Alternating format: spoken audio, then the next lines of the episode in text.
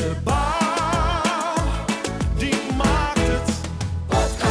Welkom, leuk dat je luistert. Dit is aflevering 17 van de Bouwmarkt het podcast. Mijn naam is Iman de Vries en in deze aflevering ga ik het hebben over de prijsstijgingen van bouwmaterialen. Want door onder andere corona, oorlog, hoge gasprijzen en materiaalschaarste zijn deze prijzen de laatste jaren flink gestegen. En welke gevolgen en invloed dat heeft op ondernemers in de bouw ga ik bespreken met Marco Dijkshoorn, directeur projectontwikkeling bij Van Omme en de Groot en Arjo Riedijk, directeur van Weboma. En daarnaast gaan we ook kijken naar oplossingen. En daarom is Arno Duiverman, jurist bouw- en aanbestedingsrecht bij Bouw Nederland, ook aangeschoven. Nou, Arjo, Marco en Arno, met die namen gaan we nog wel af en toe even last krijgen, geloof ik. Eh, fijn dat jullie er zijn. Dankjewel. Dankjewel. Dankjewel. Arjo, ik wou bij jou beginnen. Eh, kan je kort vertellen over jouw bedrijf en hoe groot het bedrijf is en wat jullie precies doen? Natuurlijk, graag eh, doe ik dat. Eh, ik ben Arjo Riedijk. Ik ben hier directeur bij Weboma in Wateringen. Weboma staat voor Westlandse Bouwmaatschappij. We zijn een regionale bouwer. Wij doen dat vanuit deze vestiging in Wateringen met ongeveer 60 medewerkers. Wij doen met een omzet van ongeveer 40 miljoen per jaar. En we bouwen echt, zoals ik al zei, regionaal. Eh, met name woningbouw. Daarnaast ook renovatie, utilitaire bouw. Maar dat is het kleinste gedeelte van ons bedrijf. Eh, we hebben een, ook nog een ontwikkelbedrijf. Daar voorzien we 50% van onze eh, omzet mee. De andere 50% werk ik voor de markt. En dat zijn vaak terugkomende opdrachtgevers. BPD, de corporaties in deze regio, dat zijn vaste opdrachtgevers van ons. En die bestaan al een hele tijd inderdaad, eh, toch? Ja, wij bestaan dit jaar 70 jaar. Ik eh, werk eh, pas 38 jaar bij dit bedrijf. Eh, ik ben als scholier hier gekomen en eh, tot hetgeen wat ik nu ben. Dus eh, Mooi. een mooie tijd en een mooi bedrijf en een mooie locatie en een mooie omgeving. Zeker, want we zitten bij jou op kantoor. Hele Zo mooie locatie. Ja. Af en toe, eh, als het voor de luisteraar zeg ik het even, ga je wat horen van eh, de hoveniers die achter ons op de achtergrond bezig zijn. eh, eh, maar dat krijg je natuurlijk als je op locatie opneemt. Marco, zelfde vraag aan jou. Ja, dankjewel. Eh, Marco Dijkshoorn van Van Omme en de Groot. Van Omme en de Groot is een eh, zelfstandig familiebedrijf gevestigd in Rotterdam. We bestaan dit jaar eh, 100 jaar. Ehm, en met zo'n 120 collega's werken wij aan eh, eh, hele diverse opgaven op het gebied van ontwikkelen en bouwen. Eh, ongeveer 50% van onze bouwproductie halen we ook uit eigen ontwikkeling. En de andere helft halen we uit de markt. Bouwteam, design en beeldopdrachten, engineering en beeldopdrachten. En een, een belangrijk deel van om- omzet halen we ook uit onze verbouw- en renovatietak. En daarmee werken we voornamelijk aan verduurzaming van woningen voor beleggers en corporaties. Zelf eh, werk ik zo'n 26 jaar bij Van Om en de Groot. Als student begonnen, kunnen elkaar een hand geven Ik wat dat zeggen, betreft. ja, ja, Ja. ja, heel goed. Eh, en van daaruit eh, eh, doorgegroeid naar de functie die ik nu heb. Dat is hartstikke leuk. Wat leuk, ja zeker. Ja, Arno, jij bent al vaker in de podcast geweest. Je bent eigenlijk mijn eerste soort van, naast Maxime die er altijd is, mijn eerste terugkerende gast. Was wel leuk. Nou, wat leuk Ja, dat te het is horen. een hele ja, eer, ik snap het. nou, ja, eer weet niet hoor, maar eh dank je wel daarvoor. Maar te veel eer dan. Eh, maar ja, ik, eh, ik eh, doe bij eh Bouwen Nederland iets met bouw- en aanbestedingsrecht. En als je dat doet, dan ben je bij eh, heel veel onderwerpen betrokken ineens. Eh, waaronder ook deze, de prijsstijgingen. Ja, want daar gaan we het meteen maar even over hebben. Want hoe raken de prijsstijgingen jullie? Eh, Arjo, laat ik bij jou weer beginnen. Uiteraard eh, ontgaan die ons ook niet. En eh, het grootste probleem is werken die je hebt aangenomen en afgesproken met je opdrachtgevers vorig jaar. eh, en die je nu in uitvoering hebt en aan het inkopen bent. En het jaar eh, vordert natuurlijk al behoorlijk. Nog een paar maanden dan gaan we richting een kerstreces. Maar dit jaar eh, kenmerkte zich door prijsstijgingen uit eh, alle, alle hoeken. Begin eh, was dat met staal en hout. Nou, dat vlakt op het ogenblik gelukkig alweer aardig af. Maar je begrijpt best dat ik natuurlijk werk heb in moeten kopen. eh, anders dan wat ik eh, bedacht had. En op het ogenblik is natuurlijk eh, door de hele ellende in de Oekraïne... is natuurlijk de gasprijs eh, leading. En daarvoor zijn producten enorm gestegen. Waar eh, productie eh, met name afhankelijk is van gas. En heb ik het over baksteen, heb ik het over isolatiematerialen en noem maar op. Ja, dat, eh, de sky is the limit op het ogenblik. Dus eh, de werken die ik eh, nu calculeer en aanneem, eh, ja, dan moet ik de opdrachtgever vertellen, joh, eh, dit en dit is aan de hand. Dus enorme opslagen. En ik weet niet waar het eindigt. Nou, je probeert het risico met elkaar in te dekken, want we moeten wel continueren hier. Maar eh, dat, eh, dat houdt ons wel bezig. Ja, en eh, Marco, is dat bij jou hetzelfde? Ja, dat is bij ons niet anders. Eh, ik onderschrijf dat volledig. Eh, vanuit mijn eh, eh, dagelijkse praktijk als ontwikkelaar zit ik natuurlijk vooral aan de voorkant van projecten. Dus eh, intern eh, met prijsvorming. Ook in design en beeld en engineering en beeld eh, opdrachten met beleggers is het ontzettend lastig om ja, die risico's die we eh, in de markt zien, om die een juiste plek te geven in de prijsvorming. Wie neemt nou dat risico voor die enorme prijsstijging eh, die we nog steeds op ons af zien komen. Ja, want ik bedoel, er zijn stijgingen. Einde is volgens mij ook nog niet per se in zicht dat we denken van nou, het uh, gaat alweer wat beter.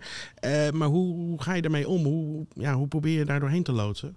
Nou ja, in de eerste plaats uh, blijven ademen. Ehm, ik denk dat dat het belangrijkste is, rustig blijven.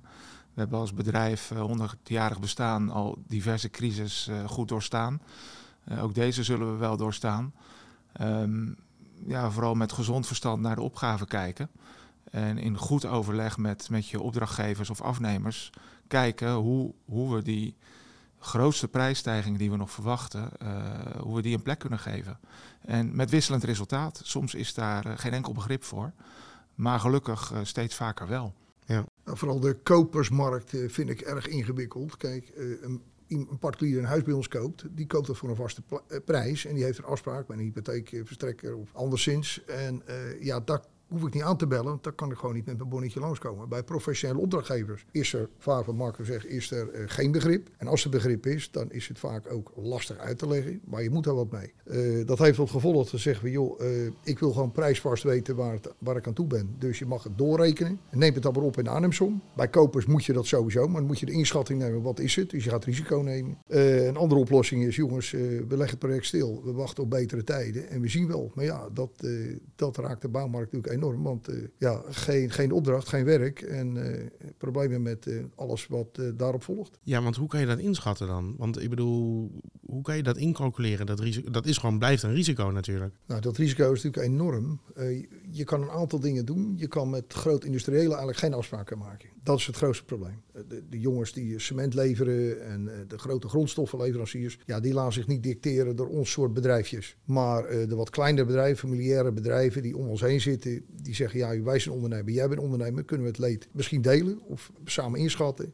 Ik had laatst een kozijnleverancier, die zat met hetzelfde verhaal in, in de aluminiumsfeer. Hij zei, joh, hij zegt, wanneer gaat het werk starten? Ik zei, nou, dan en dan. Hij zei, nou, dan nemen we een bepaalde inschatting, maken we die prijs vast, kun je dan opnemen in je begroting en je opdrachtgever, dan delen we samen dat risico. Loopt het uit hand, heb een blauwe pet, maar dan weet je wel aan de voorkant wat je kwijt bent. Heb ik in ieder geval een stukje buffer. Dus of het er allebei blij van worden, dat weten we niet. Uiteindelijk moet de opdrachtgever dat betalen, maar zo managen we dat op het ogenblik. Maar hoe het is, hoe het eindigt, waar het komt. Het is net wat Marco zegt, gezond verstand en blijven ademen. We hebben inderdaad hier ook wel een paar stormen doorstaan. Uh, we hebben ook wel een beetje ondernemerszin en risico, maar het is, uh, het is lastig. Ja goed, ik snap natuurlijk dat uh, risico lopen en risico nemen ook een onderdeel is van ondernemen. Dat hoort er natuurlijk bij, maar er is natuurlijk wel een bepaalde mate die acceptabel is. En zeker bij, bij zulke grote opdrachten en bij, bij omstandigheden waar je zo weinig invloed op hebt eigenlijk. Waar je eigenlijk meer ja, je maar moet mee laten nemen door de stroom van de prijsstijgingen en ja. hopen dat het niet al te erg wordt wat dat betreft. Want bij huidige projecten, hoe, hoe gaat dat dan nu?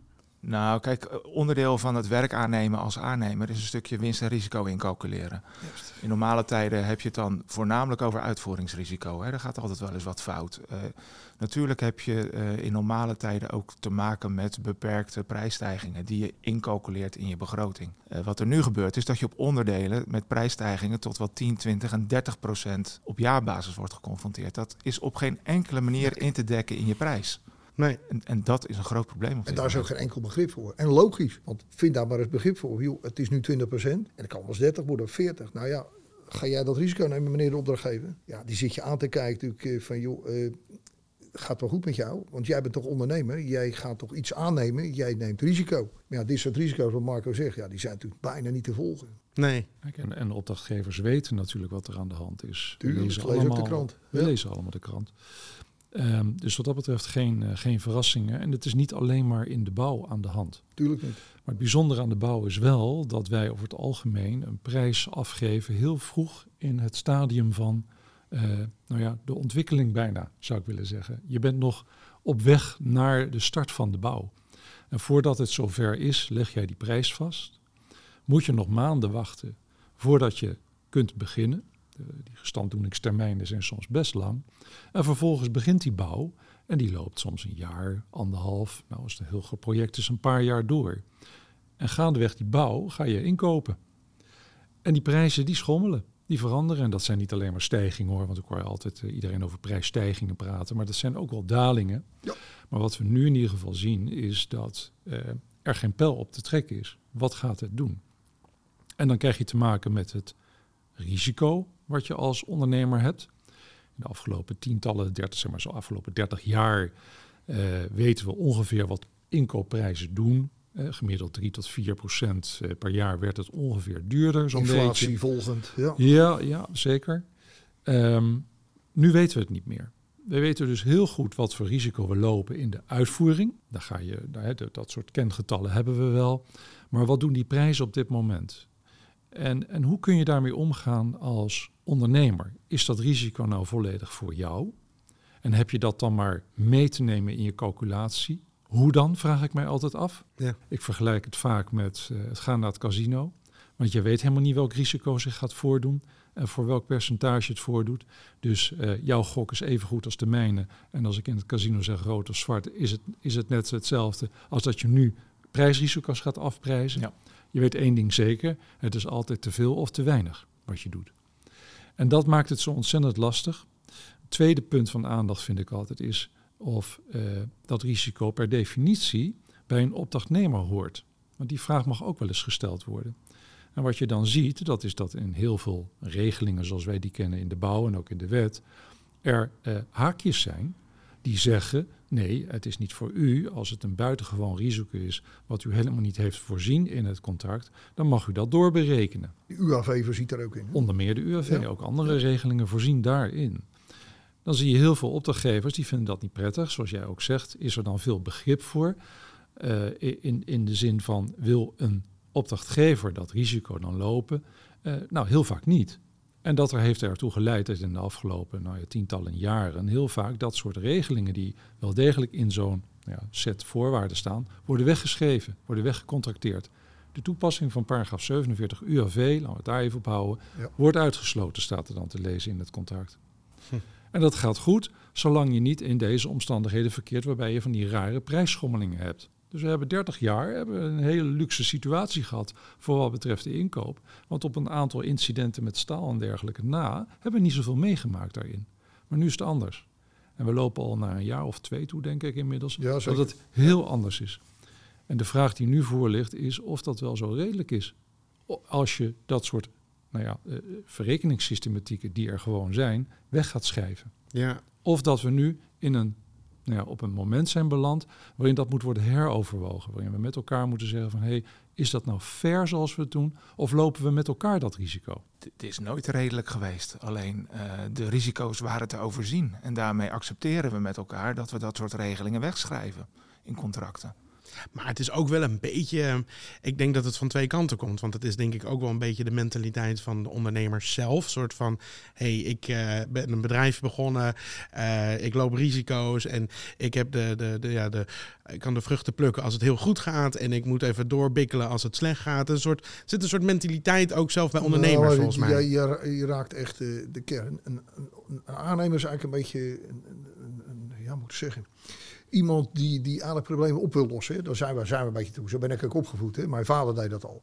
Veel, wij lossen dat op en wij nemen dat wel op en we, we- geven dat altijd wel een plekje.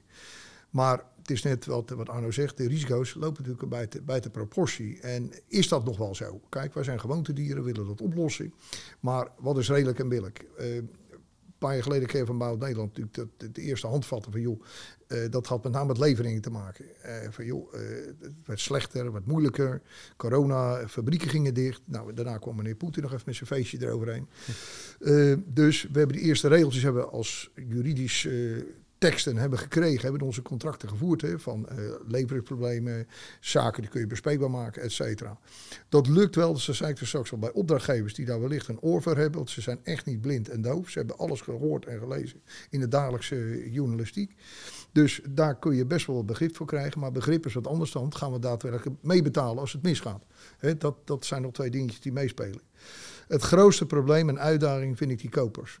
Eh, hoe, hoe gaan we dat eh, vertellen? Eh, jij koopt een huis bij Weboma, dat kost 400.000 euro. Ik neem een clausule op, hè, die, die regeltjes zijn er, dat ik later bij jou kan komen voor een verrekening. Die vind ik ingewikkeld. Wij krijgen dat in ieder geval niet onder de mat doorgeschopen, die mensen. Dus dat vind ik een dingetje. Dus Nou, wij moeten, hele- moeten de mentaliteit misschien als aannemers een beetje aan gaan passen. Ja. Dat we dit inderdaad, en Arno zegt het terecht, dat we joh, als opdrachtnemer kunnen we echt die in, zeker in deze tijd, kunnen dat niet volledig dragen. Alleen de andere kant dat altijd, en dat weet, uh, weet Marco ook als geen ander. Uh, wij moeten wel continueren. Er moet hier wel dagelijks een factuur de deur uit om de rekening te betalen, salaris te betalen en dit bedrijf door te zetten. Dus we zitten altijd in een spanning. Ik wil altijd graag opdrachten binnenhalen, maar het moet wel verantwoord zijn. En dan ben ik altijd wel zo, dat zei mijn vader altijd, joh, uh, veel verdienen in een korte tijd is leuk, maar continuïteit heb je meer aan. Dus zo zijn wij opgevoed. Dus wij willen het altijd maar oplossen. Ja. Maar daar zit ook een eindigheid aan. Dat voel ik ook bijna iedere dag. Ik vind het lastig. Ja, en bij continuïteit van een bedrijf hoort ook een stukje winst. Laten we wel zijn dat het een keer verkeerd kan gaan. Ja, en innoveren. Tuurlijk, dat ja. kan. Uh, maar uh, ja, hoe vaak kun je dat doen? En we zitten nu in een situatie die al heel lang voortduurt. En je ziet dus inderdaad bedrijven die, uh, die dit niet meer zo zomaar kunnen doen op deze manier. Um, natuurlijk, particulieren is natuurlijk een apart verhaal. de financierbaarheid van particuliere woningbouw uh, hangt natuurlijk op een andere manier in elkaar dan dat je bij bijvoorbeeld een overheidsopdrachtgever uh, aanklopt. Dus totaal andere situatie. Maar ook daar zal ergens het licht moeten gaan branden dat als je een huis laat bouwen, en dat geldt voor willekeurig welk werk ook en willekeurig welke opdrachtgever, dat dat ook een financieel risico met zich brengt. Omdat het zo'n bijzondere uh, en langdurige activiteit over het algemeen inhoudt. Ja. Het is niet dat je even een brood koopt. Dus dat, dat, dat begrip zal toch langzaam moeten doordringen. En daar zullen we iets mee moeten. Maar ik kan me ook voorstellen bij zo'n misschien uh, particuliere opdrachtgever, die zou misschien zelfs al bereid of begrip hebben dat zeg ik een beetje met een enige twijfel in mijn stem hoor. Maar, nu ik dat hoor. maar er zit natuurlijk ook nog een bank achter die het wie financiert. En die zegt, ja jongens, je hebt voor deze, dit bedrag heb je een hypotheek afgesloten. Of uh, probeer je te financieren. Uh, sterkte ermee, zullen we zeggen. Voordat maar, ik hier aan tafel ging, heb ik toevallig even een van de meewerkers gevraagd. Die heeft zojuist de woning gekocht, bij Om en de Groot.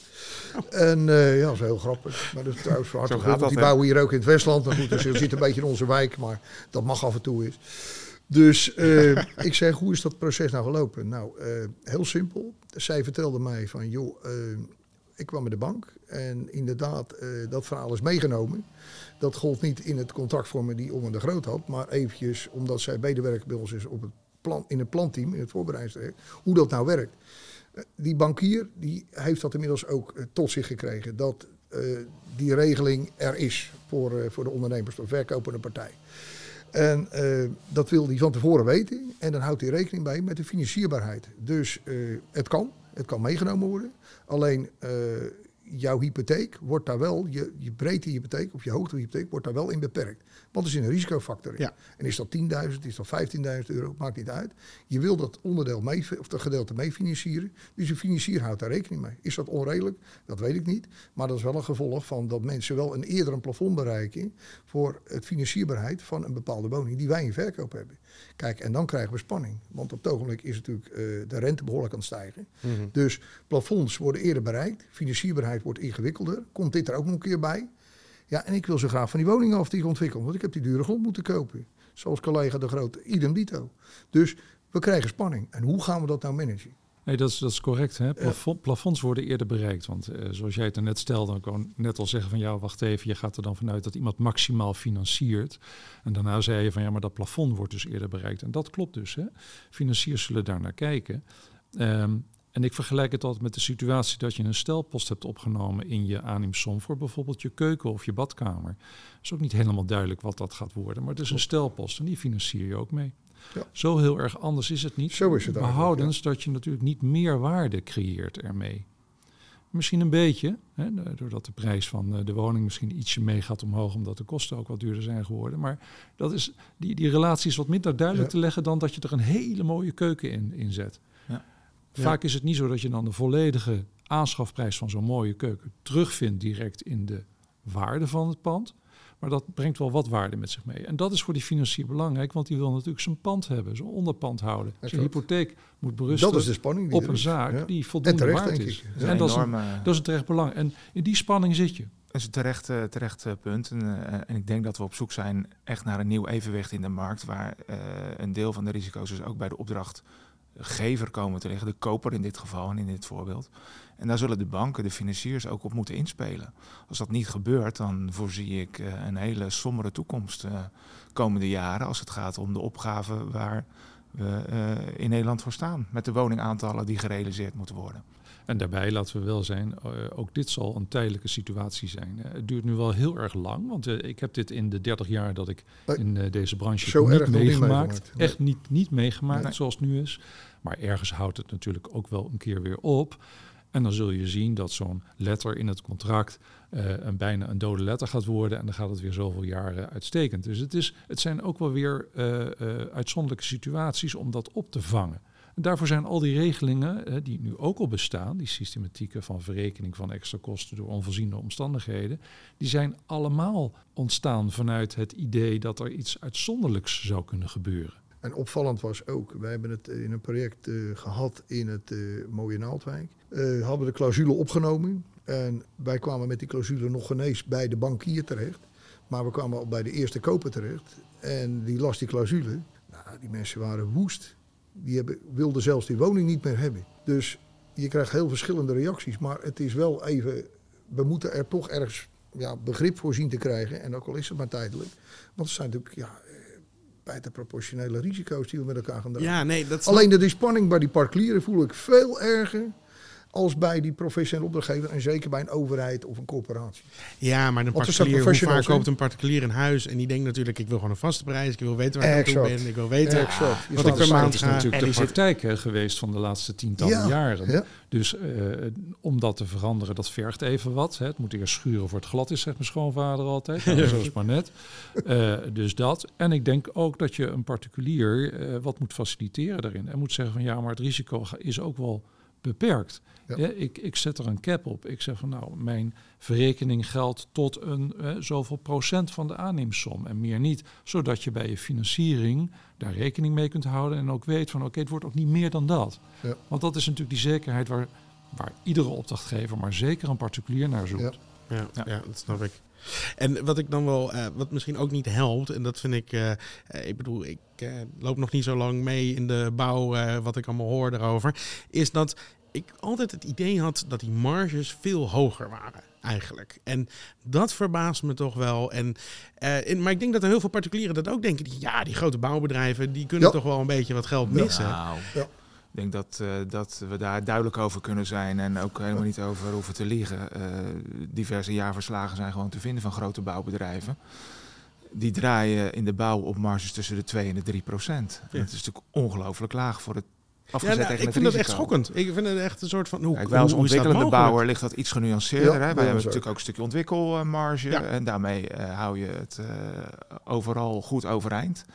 Ben je ook in staat om af en toe een klapje op te kunnen vangen. Als je puur en alleen bouwer bent in deze tijd, nou, ik geef het je te doen. procentenwerk.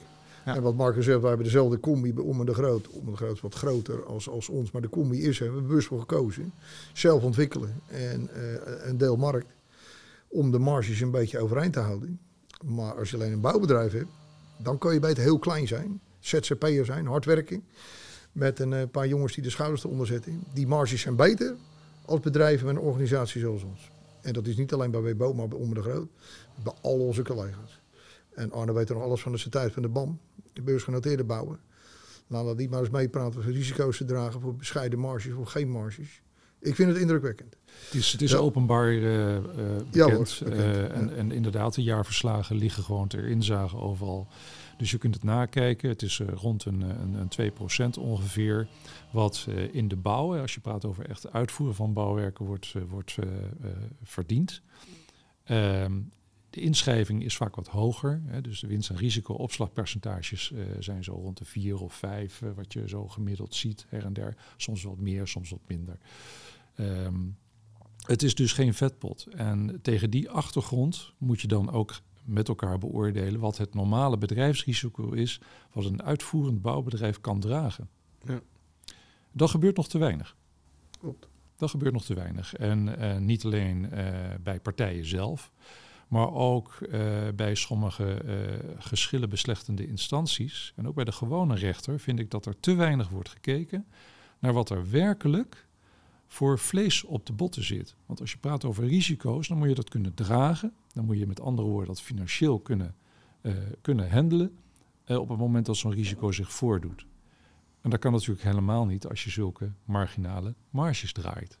Is onmogelijk. Nou, ik vind het heel mooi, want je zegt die jaarverslagen zijn openbaar. Maar ik bedoel, dat zien we wel in meer gebieden. In eh, de realiteit, in de perceptie. Dat is toch echt wel een eh, groot verschil. Maar we hebben nu wel redelijk het probleem eh, vastgesteld, denk ik. En Arno, we, we hadden jou natuurlijk ook. Wat zijn nou oplossingen bijvoorbeeld vanuit Bouwend Nederland? Ja, wat kunnen mensen hier aan doen? Een oplossing voor dit soort situaties heb je eigenlijk niet. Hè. Er zijn altijd verschillende manieren waarop je met elkaar eh, een risico kunt, kunt aangaan.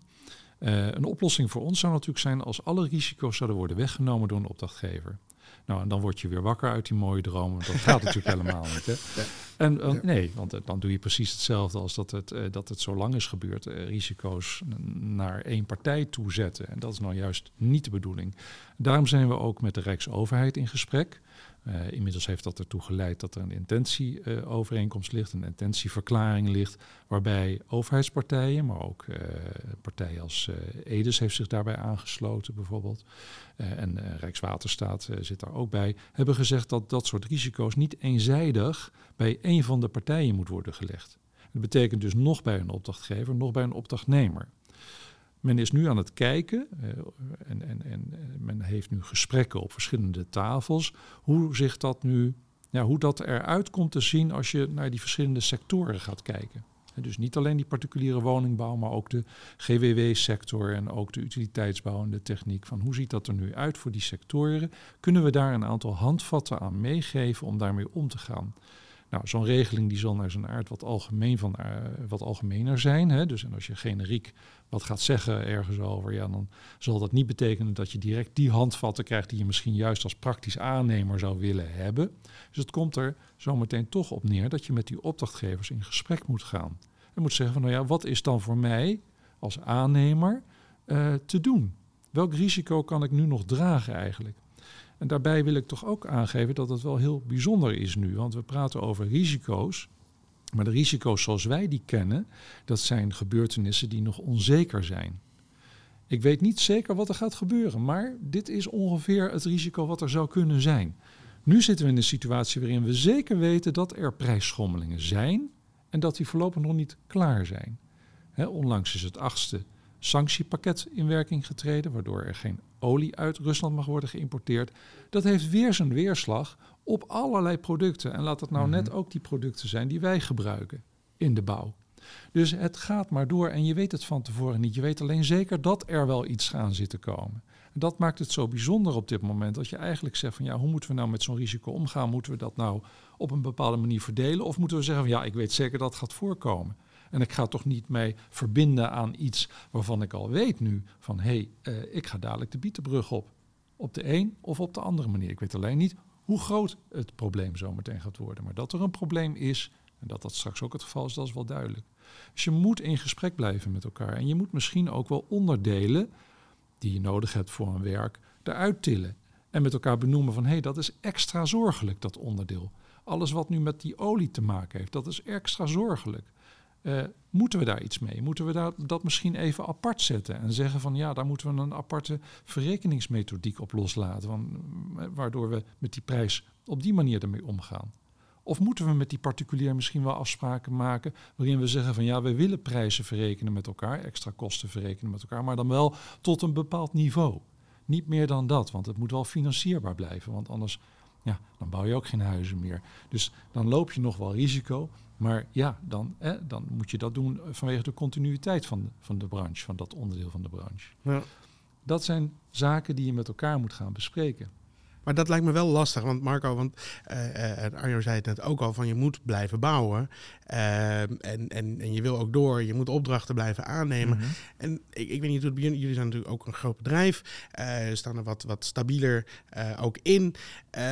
maar als er dan een opdracht gegund wordt, en ik weet niet of is er dan, ik kan me zo voorstellen dat er misschien wat cowboy gedrag in de markt is. Een soort van een ander bedrijf die zegt van, hé hey jongens, hey, ik wil dat risico best wel dragen en dan heb ik in ieder geval die opdracht. Nou, dat is ook de reden, denk ik, dat je bij uh, aanbestedingen... Wij doen niet zo vaak mee aan aanbestedingen, aan zuivere aanbestedingen. Maar als het voorkomt, dan zie je grote verschillen. En die grote verschillen worden precies door de inrekening van dat risico uh, veroorzaakt. Hoe, hoe partijen daarmee omgaan. Ja. En eh, ja, noem het cowboygedrag. Uh, het is in ieder geval onverantwoord. Het gebeurt. En ja. gewoon iemand heeft een gat in zijn productie. Ja. Ik denk, nou, ik pak dat werk en uh, ik zie wel hoe het eindigt. Ik, als ik mijn algemene kosten maar kan doorberekenen, vind ik het prima. Ja, als we zouden aanbesteden, hebben we er heel veel last van. En aanbesteden, ja, liever niet. Maar het komt wel eens voor. Maar dan zitten we vaak aan de voorkant. voor een bouwteamselectie of iets dergelijks. Dat komt er wel voor. Maar echt de prijsvechters, ja, dat daar kan je nooit tegenop. Daar kan je niet tegen wapen. Daar kan je niks verzinnen. Daar kunnen we z'n allen mooie dingen verzinnen. Maar als ze cowboys zijn, zoals je ook noemt, ja, dat, dat blijft altijd lastig. Dat blijft altijd lastig. Maar dat is niet alleen in onze branche, het is in alle branches. Je loopt ook vanzelf tegen de problemen aan. Dat de, de eerste factuur, daar krijg je de discussie al dat er, dat er toch zaken anders zijn uitgepakt ja. dan gedacht. Ja. En je zult zien dat ook die partijen hun risico's dan toch willen doorberekenen. Uh, alleen dat merk je dan niet aan de voorkant bij de, bij de inschrijving. Overigens zijn ook bij aanbestedingen, uh, aanbestedende diensten wel, uh, uh, is het voor aanbestedende diensten wel mogelijk om dat soort partijen uit te sluiten van een inschrijving als het een abnormaal lage inschrijving ja. betreft. Hè. Want dan weet je al van tevoren, dit kan eigenlijk niet, niet op een verantwoorde manier. Dus dat willen we niet met elkaar om verdere problemen natuurlijk ja. ook te voorkomen. Ja, precies. Heel verstandig. Ja. Ja. Overigens, wat, uh, wat nu heel vaak uh, uh, gebeurt, dat zie je met name ook bij provincies en bij gemeentes, dat is dat de partijen afspreken om te indexeren. Ofwel een risicoregeling te gaan gebruiken, een van die twee. Maar vaker is het indexeren, ja. waardoor prijzen in ieder geval wat meegaan omhoog. Nou lopen indexregels, indexregelingen altijd wel wat achter bij de werkelijkheid. En zeker bij sterke schommelingen van het ene product ten opzichte van het ander, ja, heb je het uh, uh, risico dat doordat het een gemiddelde betreft, uh, dat je niet al je kosten vergoed krijgt via zo'n indexeringsregeling. Maar het zijn wel systematieken waarmee je de meeste schommelingen op een goede manier kunt verrekenen met elkaar. En alles wat daarboven nog uitgaat, daar zou je dan een aparte afspraak over kunnen maken. Um, maar ik bepleit toch wel het gebruik van dat soort indexeringen. Maar gebruik dan wel de juiste index. Wat ik nog wel eens zie gebeuren is dat er een index wordt gekozen die helemaal niet passend is voor een bepaald werk. Um, een heel extreem voorbeeld is waar uh, de consumentenprijsindexregeling van toepassing werd verklaard op een, uh, op een utiliteitsbouw.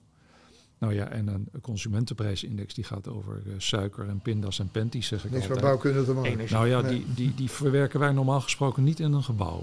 Dat, hooguit in de kantine. Maar hooguit in de kantine, ja. Het moet gewoon eigenlijk een beetje aan die gasprijzenindex gaan hangen of zo. Die, uh, die, uh, die gaat wel nou, mooi omhoog. Er zijn, er zijn veel componenten, zijn bepaalde indexen. Ik, uh, toevallig een werk, een professionele opdrachtgever, een grote zorginstelling.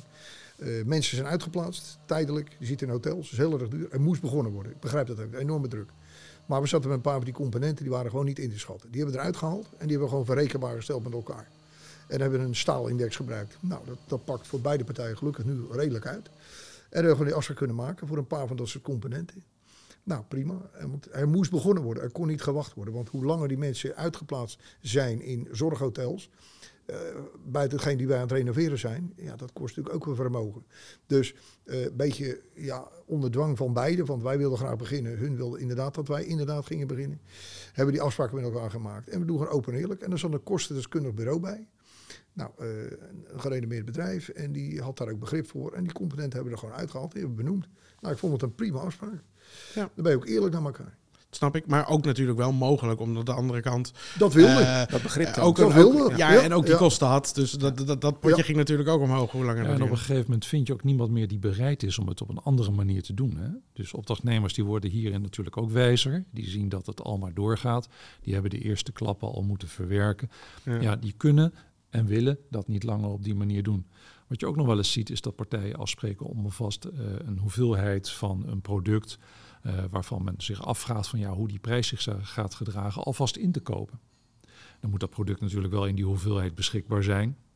He, want als Grappig je zegt. Grote... Ik heb dat in een renovatie net gedaan. We hebben stenen en pannen. Hoe lastig het is, we hebben gewoon alvast uh, ja. op het terrein gezet. Ja. Dus kan niet Om altijd. dat maar voor he? te zijn. Ja, dan, maar dan heb je. Want ik, ik kan me ook herinneren dat we namelijk in een eerdere podcast uh, hadden we het erover. Dan was het al ingekocht. En dan stonden die vrachtwagens stonden op het terrein later. En er werd gezegd: ja, nu moet je toch bijbetalen, want anders rijden we weer terug.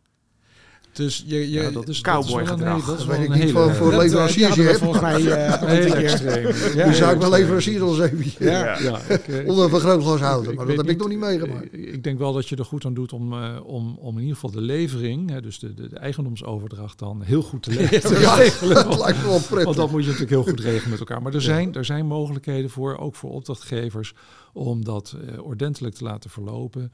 Eh, natuurlijk zit je met iets wat meer financieringslasten. Je zit met een stukje opslag. Ehm, maar eh, als dat per saldo natuurlijk meer zekerheid biedt dan eh, dat je iets ja, in het ongewisse laat en je moet maar later kijken of het beschikbaar is en zo ja tegen welke prijs. Ja, dan zouden dat ook natuurlijk nog oplossingen zijn, kunnen zijn. Dan moeten we dat niet een, en eh, masse gaan doen. Wij hè? werken gewoon met een eigendomsverklaring. Die opdrachtgever die betaalde dat. En die heeft een eigendomsverklaring gekregen. Oké. Dus stel dat wij er tussenuit gaan. Had hij in ieder geval dat onderdeel wat hij betaalde, had hij het recht op. Oh, dat is wel En bleef gewoon bij die fabrikant staan op het terrein.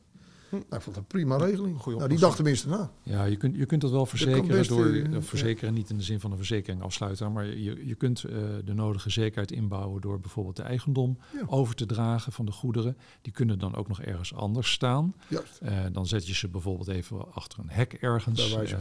je, je, je doet er een stempeltje op met, het, met een merkteken. En, zodat het duidelijk is eh, wat nu eigenlijk van wie is. En daarmee kan je zo goed mogelijk verzekeren dat je als opdrachtgever, hè, want je betaalt immers ook dan voor die producten, dan ook daadwerkelijk uiteindelijk krijgt waarvoor je al betaald hebt. Hm. Dus dat zijn allemaal mogelijkheden om die risico's die we nu eh, zien, om die wat te verkleinen. Daarnaast eh, denk ik dat je als opdrachtgever er goed aan doet om open te staan voor alternatieven. Op het moment dat een bepaald product niet of heel moeilijk verkrijgbaar is en dus vele malen duurder wordt, hè, schaarste, dus wordt het duurder, ehm, ja, dan doe je er goed aan om open te staan voor een alternatief. Dat zal niet altijd mogelijk zijn, zeker niet als het eh, zaken zijn die het ja, ontwerp en natuurlijk de constructieve hechtheid betreffen. Hè, dan, dan, dan kom je meteen in zaken die, eh, waardoor je het ontwerp ook moet aanpassen. Maar ik kan me voorstellen dat bepaalde afwerkingen, en gebruiken we nu wel die natuursteen tegel of gebruiken we een Ja, hoor. gebakken tegel of gebruik dat, dat soort afwerkingen, daar kan je natuurlijk een heleboel nog mee doen. Ja. En sta er voor open vooral. Sta er ook voor open in het kader van prijsstijgingen. Stel dat je als opdrachtgever daarmee wordt geconfronteerd en het wordt je te veel, dan zou je natuurlijk eh, vereenvoudiging kunnen zoeken. Hè, dat het wat goedkoper wordt. Een eenvoudigere afwerking. Heb je dat gewild? Nee, dat heb je niet gewild. Maar de situatie is er nu wel naar. Ja. En dan soms moet je handelen naar bevind van Dat is een hele goede methode. En daar ligt denk ik ook een stukje toegevoegde waarde van ons soort partijen, eh Weboma van Om en de Groot en andere bedrijven als bouwteampartner, om juist in dat voortraject in een stukje reken- en tekensessies te kijken naar de meest optimale oplossing.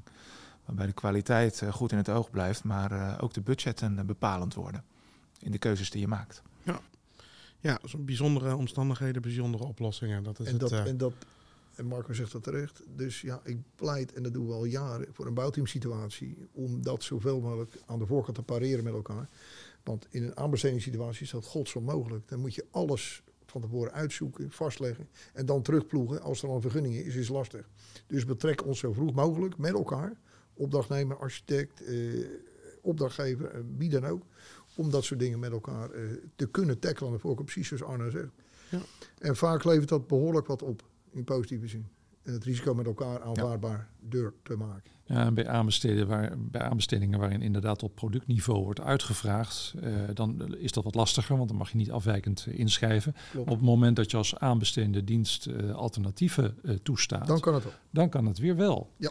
Hè, of als je een herzieningsclausule opneemt, en natuurlijk zijn er ook wel wat, wat eisen aan, waardoor je gaandeweg eh, bepaalde zaken anders kunt laten uitvoeren, dan loop je ook niet eh, al te snel tegen de grenzen van het aanbestedingsrecht op. Maar goed, dat is weer een andere podcast voor een andere keer. Ja, heel goed. Om het nog even een beetje positief eh, af te sluiten, wat, of hopelijk positief. Hoe, eh, Marco, hoe zie je de toekomst tegemoet? Eh, volle kracht vooruit gewoon? Ja, op de middellange termijn eh, gaat het zeker goed komen. Dus wat eh, Arno er net ook zei, dit is natuurlijk een keer eindig. En dan weten we ons in ieder geval verzekerd van een enorme woningvraag.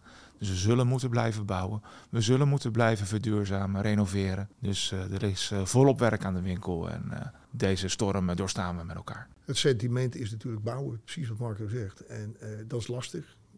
Lastiger nu.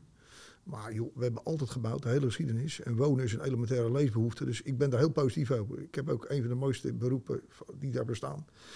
Dus eh, daar blijf ik ook voor vechten. Ook voor de generaties die na ons komen. Maar eh, dat komt wel weer goed. Alleen het is lastig. Alleen we moeten met elkaar creatief zijn. En eh de moedje zak je wel eens in de schoenen. Zeker als je dit soort eh, correcties moet toepassen. Of met je opdrachtgever zo aan tafel moet zitten. Maar ik ben ervan overtuigd. het sentiment is bouwen. Er is een enorm behoefte. En eh, dat zal vast een keer goed komen. Daar ben ik van overtuigd. Ja, mooi. En zo doen ondernemers in de bouw dat, hè?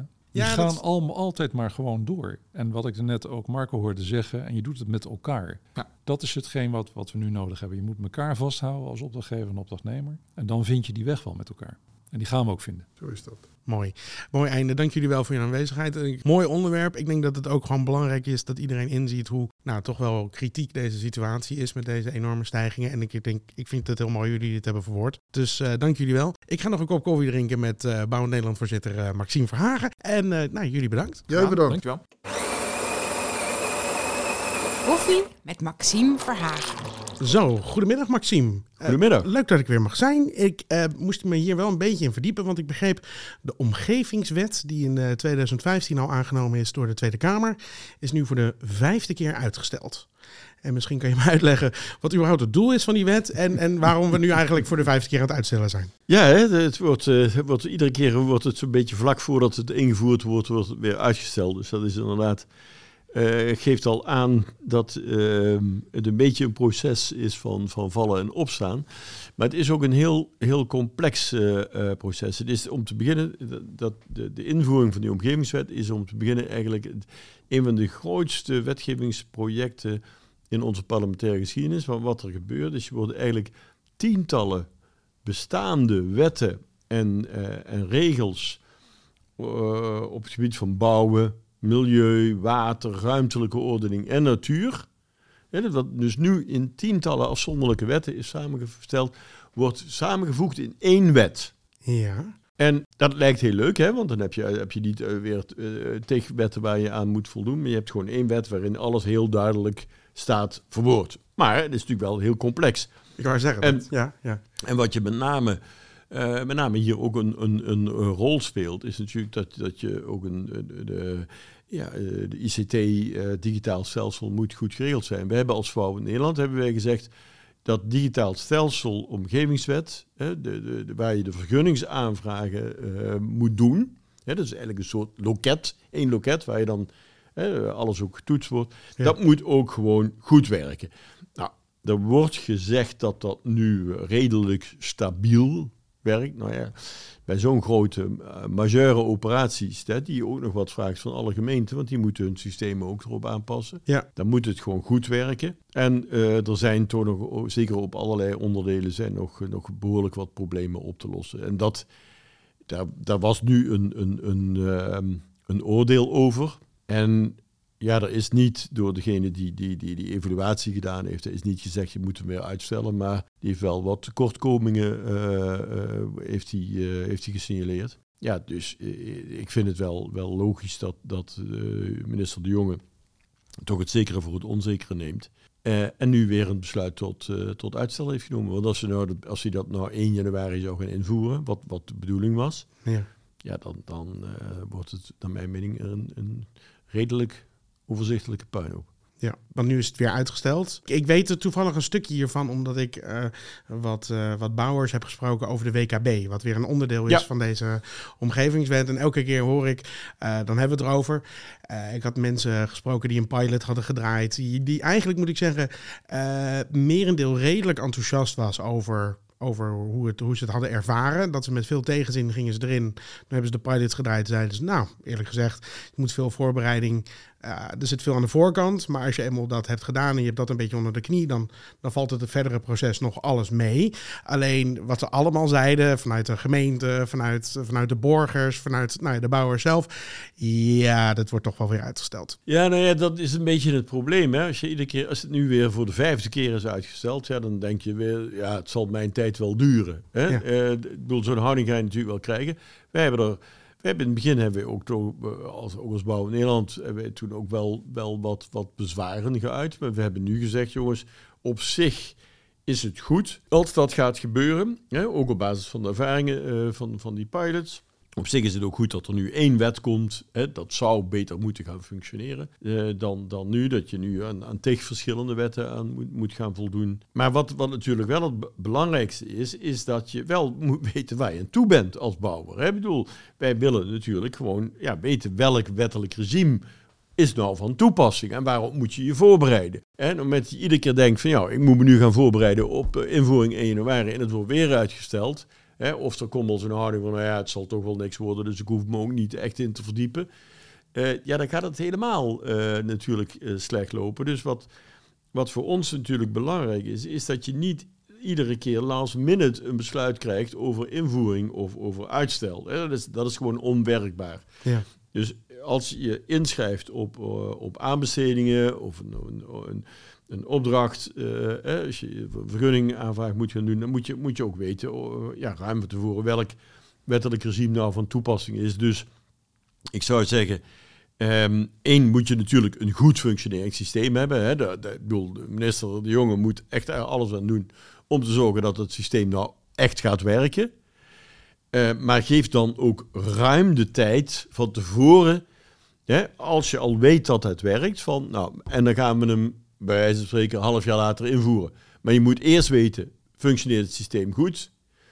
En dan minimaal een half jaar de tijd hebben tussen de definitieve go en het, eh, daadwerkelijke invoering. Want dan kun je je ook, eh, ook voorbereiden. Maar je moet je, moet, je, moet je natuurlijk ook, ook, ook eh, ja, weten waar je aan toe bent. En voor, wat mij betreft, ja, als hij nu, weer, nu het weer uitgesteld heeft, wij gaan als Bouw Nederland, gaan wij graag verder met onze leden voor te bereiden op, ehm, eh, op, op een, een, invoering. We hebben een, een basistraining, wetkwaliteitsborg voor onze, bij onze academy. Ja. Ehm, er is ook veel informatie te vinden op, op, op de webpagina's over de wetkwaliteitsborging. Het is wat mij betreft ook gewoon een heel goed idee. Je hebt er al een aantal gesproken om inderdaad mee te doen met zo'n proefproject, met zo'n pilot. Ehm, hè, dus ga door met voorbereidingen. Denk niet, de, het komt nooit meer. Ehm, want ik denk dat het toch uiteindelijk wel eh, doorgevoerd gaat worden. Maar ik zou zeggen, minister, zorg dat je nou gewoon echt alles op de rails hebt staan, dat het goed functioneert en zeg, over een, hal- een half jaar nadat dat geconstateerd is, dat alles functioneert, gaan we hem invoeren. Ja, precies. En dan nog heel even voor de, om deze tijd dan dat het weer uitgesteld is, positief te benutten. Misschien nog even positieve benadering is. Nou, je hebt gewoon weer eigenlijk een half jaar extra de tijd nu om je weer eh, beter, nog beter voor te bereiden, voordat het komt. Dus eh. Ja, Nou, ja. maar ja, wat mij betreft dus dat je eigenlijk, zou de minister het beste, zou die, zou die in juli Ja. moeten zeggen van nou, het functioneert goed. En dan wordt hij per 1 januari 24. Ja, het is nog eigenlijk dat zou, nou, dat zou het mooiste zijn. Ja. Want dan heb je ook echt, de, nadat gezegd is, alles doet het, dat je dan nog een... Maar, maar je- precies wat je zegt, extra tijd om het voor te bereiden en om het dan echt goed te gaan doen. Dat Helemaal geldt voor de bouw, maar dat geldt zeker ook voor de minister. ja, precies. Heel goed, heel goed. Oké. Hey, dankjewel en tot de volgende keer. Joep. En wil je nou meer weten over de omgevingswet en de trainingen die Bouwend Nederland aanbiedt? De links staan in de show notes. En zoals altijd, wil je geen aflevering missen? Vergeet dan niet op de volgknop te drukken op Spotify of te abonneren op Apple Podcast. Oké, bedankt voor het luisteren en tot over twee weken. De